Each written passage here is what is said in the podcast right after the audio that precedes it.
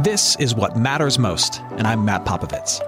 Look, life is crazier than ever, and lots of people, maybe even you, are feeling anxious and overwhelmed.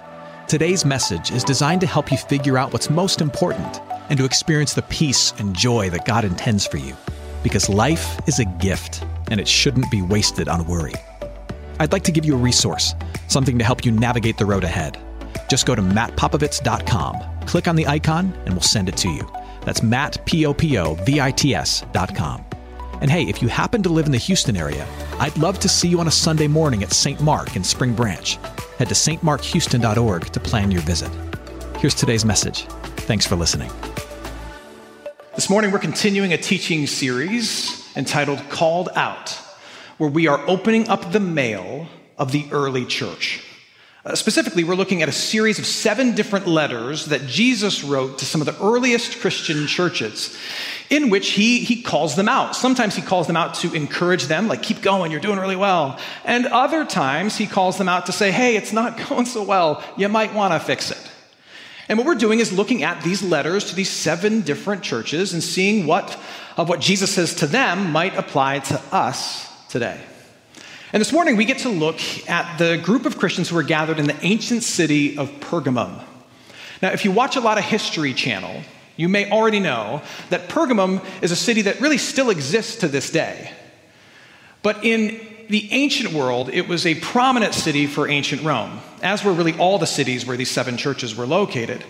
But Pergamum in particular was important to ancient Rome, who occupied it at the time, because it was overflowing with temples and altars to the Roman cultic or religious system. You would walk through Pergamum and you would be overwhelmed at the number of temples and altars. For example, a massive altar in the center of the city to Zeus and Athena. And what you have to understand is that at this particular time, worship of the Roman cultural gods and even worship of the Roman emperor as a deity was all but required by law. And so a group of Christians who confessed that there was no God but God the Father, God the Son, and God the Holy Spirit, they were at odds with the culture that they lived in. And they faced intense persecution. Which is why Jesus writes this letter. He, he, writes this letter, and, and it starts out really, really positive. He writes this letter, and he gives this, this young church praise because, in the face of such opposition, they have refused to deny the faith. In fact, he mentions someone named Antipas, who was an early Christian martyr, who apparently, refusing to bow down to the Roman emperor, was, was murdered in Pergamum for insisting on worshiping only Jesus. And Jesus writes this letter and he says, You are staying strong. I see where you live. In fact, he refers to where they live as the throne of Satan. And it's because there are so many altars to the pagan gods there. And the opposition to the Christian message is so intense there. And so he writes to them and says, Look, I know where you live. I know it is the den of all the unbelief. And yet you, for the most part, have refused to reject me. In fact, one of you was even killed for upholding and worshiping my name alone. I see it. But then this letter kind of takes a hard turn, and Jesus says, But I also see some of you. And I have an issue with some of you. And the whole point of this letter, kind of the bottom line of this letter, is Jesus sends this message. He says, Some of you are playing games with me. Don't play games with me. In fact, that's how I summarize this letter. Don't play games with God. Love Jesus. But let's look at it again. Listen to what he says. He says, I have a few things against you you have some there who hold to the teaching of Balaam, who taught Balak to put a stumbling block before the sons of Israel so that they might eat food sacrificed to idols and practice sexual immorality. So also you have some who hold the teaching of the Nicolaitans. So Jesus is referencing two relatively obscure things to us, but would have made sense to the first century hearer. So the reference to Balaam is a reference to this story in the Old Testament book of Numbers, chapter 25, where this guy named Balaam convinces this pagan king, Moab, Moab, of king of Moab, Balak, to try and entice the children of Israel to worship false gods and to indulge in all kinds of sexual craziness. And the children of Israel, being the children of Israel, what do you think they did? They were like, cool, sounds great to us. Where do we sign up? And so they dove headlong into all of that idolatry and craziness. and God was not pleased. And apparently, also in this first century church, there were some false teachers, part of a group called the Nicolaitans. And what, what they taught was that basically sin didn't matter. If it felt good, do it. They, they were champions of the fancy word to be license. Whatever you want to do, God will bless it so long as it brings joy to you. And so, by referencing the Nicolaitans and by referencing the, the sin of Balaam, what Jesus is saying is there are some among you who are saying, look, sin doesn't matter. There are some among you who are saying, whatever you need to worship, whatever you need to do in order to gratify your urges and needs of this world, you can do that. And you're taking that teaching and that idea and those teachers, and you're elevating them to this place of influence and authority in your life, and you're putting them right next to me as if we're the same thing. What he's accusing this church of is that some of them are kind of flirting with idolatry. And he's saying, cut it out. I see it. You're taking these people who tell you you can do anything you want, and I mean anything you want.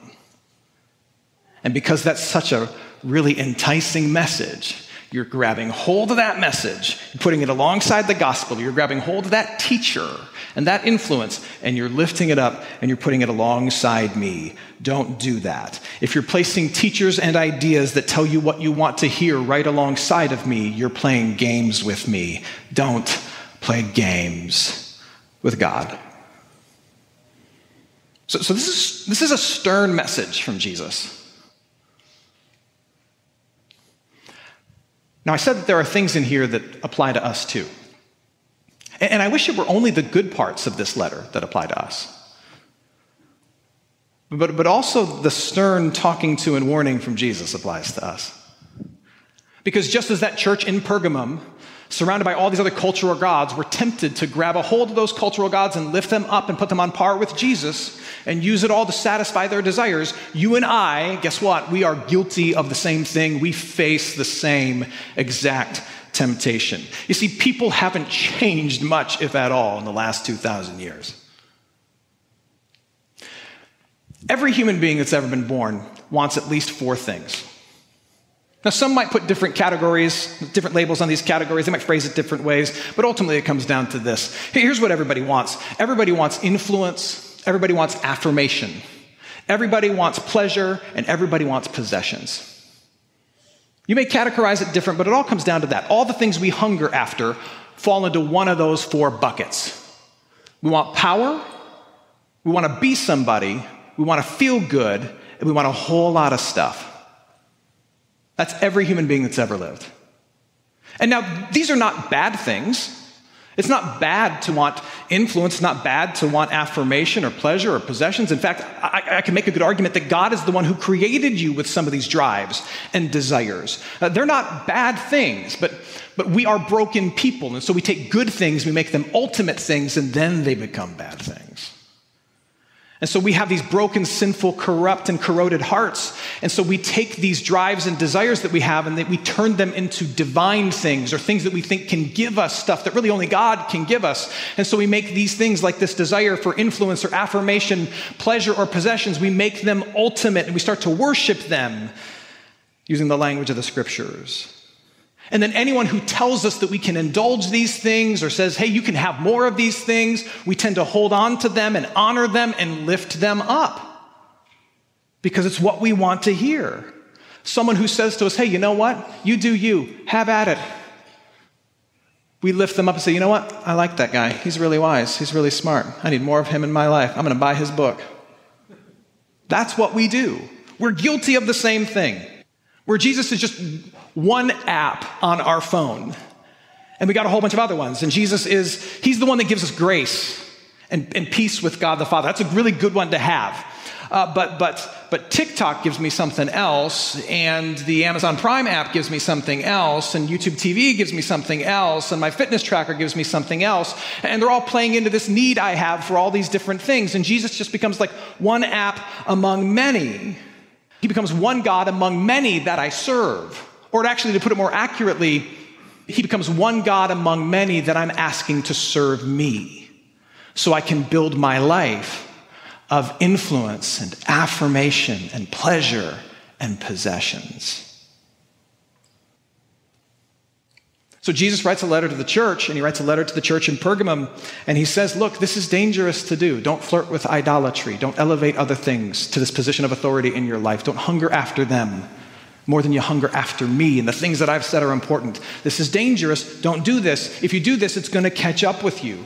And this is the point in the letter where Jesus gets very serious. Listen again to what he says. He says, Therefore, because some of you are buying into these lies and you're flirting with idolatry, therefore repent. If not, I will come to you soon and war against them with the sword of my mouth. Uh, sword of my mouth is a revelation turn of phrase that means I will come and I will speak judgment against these things. I will judge all the cultural little g, small g gods and I will show them for what they are. But also, I will come back one day in power, and I will judge all those who have elevated other things to this place of ultimate influence and authority in their lives. I will show them for what they are. If you have pushed me down and elevated other things and tried to use me to serve your ends in your hunger for all these earthly things that are ultimately going to pass away, I will come back and I will show you for who you are, which is an unbeliever.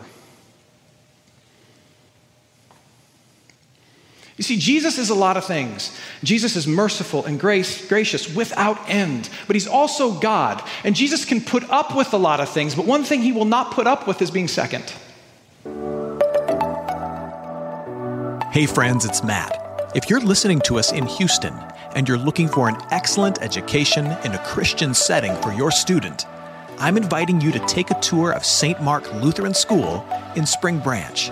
We serve infants through eighth grade with an excellent faculty, brand new facilities, and a faith forward curriculum. To schedule your tour, head to gostmark.org. That's G O S T M A R K dot org to schedule your tour today. St. Mark Lutheran School. It's excellent education for your son, your daughter, your little one. Now, back to today's message. You see, Jesus is a lot of things. Jesus is merciful and grace, gracious without end, but he's also God. And Jesus can put up with a lot of things, but one thing he will not put up with is being second.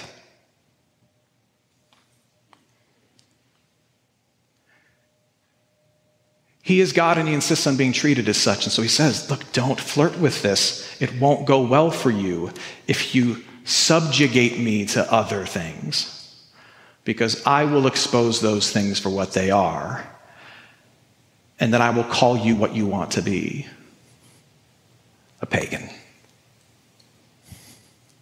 So Jesus writes this letter, and he's like, hey, don't play with this. It's dangerous for you. But this is not just about Jesus getting the respect that he deserves. Jesus is saying this out of actual concern for you and me, for the people who follow after him. You recall when Jesus is teaching in his earthly ministry, he, he warned us about attaching too much of our hearts and minds and lives to all of the unsatisfying gods of this world. And he tells us it's not going to work out well for you. Look again at Matthew chapter 6. I'm going to read five verses here, so buckle in. It's going to take a minute. Jesus says this Don't lay up for yourselves treasures on earth where moth and rust destroy and where thieves break in and steal. Don't love this temporary world too much, but lay up for yourselves treasures in heaven. Love the things of God because those are the things that are eternal, where neither moth nor rust destroys and where thieves do not break in and steal.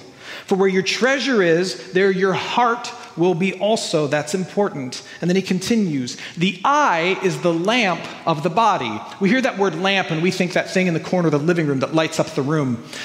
That's not quite what Jesus means. The eye is the lamp of the body, in that what the eye focuses on, what you focus on then travels through the eye and fills your soul.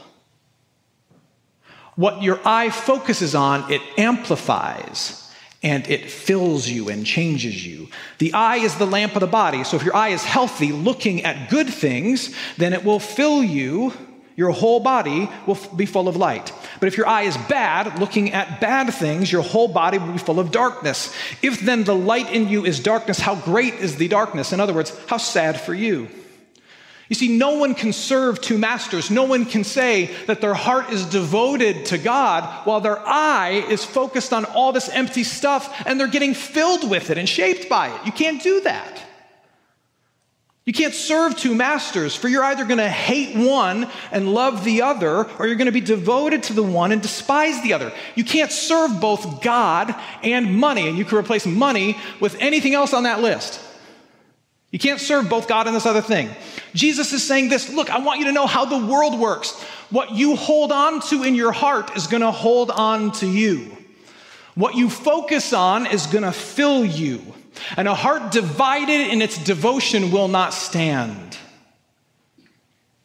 What you worship affects you, what you love, you become. That's what Jesus is saying.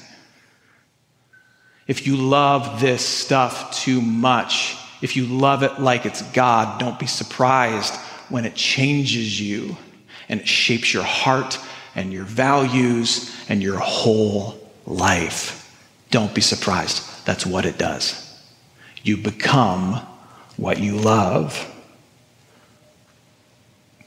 I think this is important because if God's word is true here, then what that means is that some of us, while we're always, all of us are always tempted with this, I know that some of us right now this morning, we are really, really struggling with this.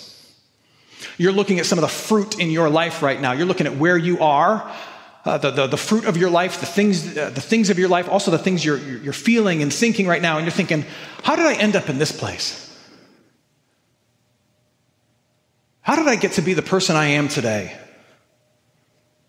Like, for example, why am I so comfortable not really coming to church all that much anymore? Or why am I unbothered, so unbothered by the unbelief of my kids? Why am I so at ease with the idea of my marriage fizzling so long as my career is thriving? Why am I so deeply in debt, so deeply in debt for houses and cars and educations and everything that I have in my house because, because I, I was told that it would make me happy? Uh, why am I so fine with being so deeply indebted to all those things and so unbelievably unhappy? Why do I think that's just the way it's supposed to be? Why do I feel not one bit of guilt about the amount of time I spend looking at some other guy's daughter on the internet? Why am I so quick to condone stuff in the culture that I know, I know is not at all in line with what God says is right? Why am I so quick to say, no, it's fine? It's each his own, it's fine. Do you want to know why you are where you are? Yes, it's because you're a sinner. We're all sinners. You are where you are because what you hold on to has a hold of you. What you focus on fills you. What you worship affects you. What you love changes you. And in any way, when you make influence, affirmation, pleasure, or possession primary, it changes you. And your heart and your mind and your values and all the fruit of your life becomes like the thing that you love. The fruit that you're seeing in your life is because of the loves that you have in your life.